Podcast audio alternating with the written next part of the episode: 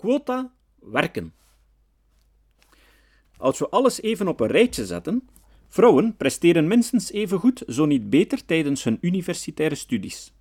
Er is dus geen competentieprobleem. Er zijn iets meer vrouwen die universitaire studies volgen dan mannen. Volgens onderzoek zijn vrouwen bovendien goede en zelfs licht betere leidinggevenden dan mannen. Ondanks dit alles krijgen ze die posities niet. Dus pleit ik naast volgehouden inspanningen op het gebied van onderzoek en voorlichting ook voor verplichte quota, net zoals in het buitenland hier en daar gebeurt. Of zoals Miet Smet samen met andere parlementsleden in België een aantal jaren geleden realiseerde. Er kwamen quota voor de politieke lijsten. Als op één een man stond, moest plaats twee zelfs een vrouw zijn. Ze zijn er nog trots op en worden in het buitenland hiervoor benijd. Veel mensen die ik over het invoeren van quota sprak, verzetten zich emotioneel of intuïtief tegen dit idee, maar verder dan ik denk niet dat het werkt voor bedrijven, komen ze meestal niet. Ik baseer me liever op de empirie dan op de vooroordelen of stereotype intuïties. De krant De Standaard deed in 2006 een eenvoudig onderzoek naar het topmanagement van 19 Bel 20 bedrijven. Voetnoot. De bedrijven die de Bel 20 beursindex van de Brusselse beurs vormen. Einde voetnoot.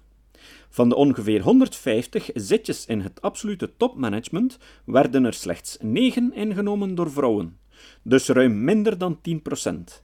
België bengelt daarmee aan de staart van de Europese ranglijst. In de Scandinavische landen gelden overal streefcijfers of quota. Het enige dat volgens de regeringen van deze landen schijnt te helpen. In Noorwegen zijn daardoor reeds 28% van de topleidinggevenden vrouwen. In Zweden en Finland is dat ongeveer 20%. En Denemarken volgt op de voet. Noorwegen heeft in 2008 de wettelijke regel ingevoerd dat beursgenoteerde bedrijven 40% vrouwen in hun raden van bestuur moeten hebben. De voorsprong van de Scandinavische landen zouden volgens sommigen vooral te verklaren vallen doordat de samenleving daar meer egalitair is. Er is een grote gelijkheid tussen mannen en vrouwen. Dat werd al een tijd geleden vastgesteld door de Nederlandse professor Geert Hofstede. Zie zijn website www.geert-hofstede.com. Toen hij culturele verschillen onderzocht en daarbij vaststelde dat de Masculinity Index in deze landen het meest gelijkheid tussen mannen en vrouwen toont.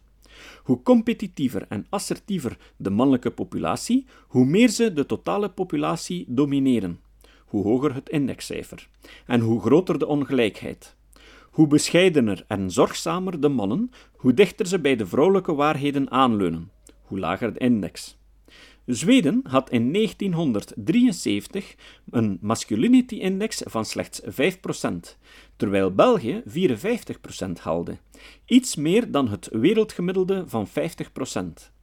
Meer recent werd de Global Gender Gap Report van de World Economic Forum gepubliceerd. Hausman Tyson en Tahidi 2008, wat de ongelijkheden tussen mannen en vrouwen per land weergeeft. Volgens dit rapport is Noorwegen het land met de kleinste ongelijkheid tussen de seksen. Gelijkheidsscore van 82%, waarbij 100% gelijkheid zou betekenen. Op de voet gevolgd door Finland, Zweden en IJsland. Denemarken volgt op de zevende plaats. Van de oude Europese lidstaten doen ook Ierland, Nederland, Duitsland en het Verenigd Koninkrijk, Frankrijk en Spanje het nog beter dan België. 28e plaats in de gelijkheidsscore van 71%. Maar deze egalitaire samenleving is vooral ook door wetten en streefcijfers tot stand gekomen, en dat lijken sommigen te vergeten. De vierde conclusie van dit rapport, bladzijde 24, luidt: Fourth, the index continues to track the strong correlation between the gender gap and national competitiveness and sends a clear message to policymakers to incorporate gender equality into their national priorities. Conclusie.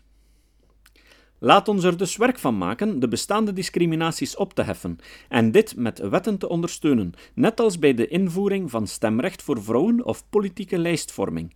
Omdat we in het Westen met z'n allen de keuze hebben gemaakt om terug te gaan leven in democratische, meer egalitaire samenlevingen, moeten we kiezen voor een meer vrouwelijke aanpak, die van de beschaafde samenwerking.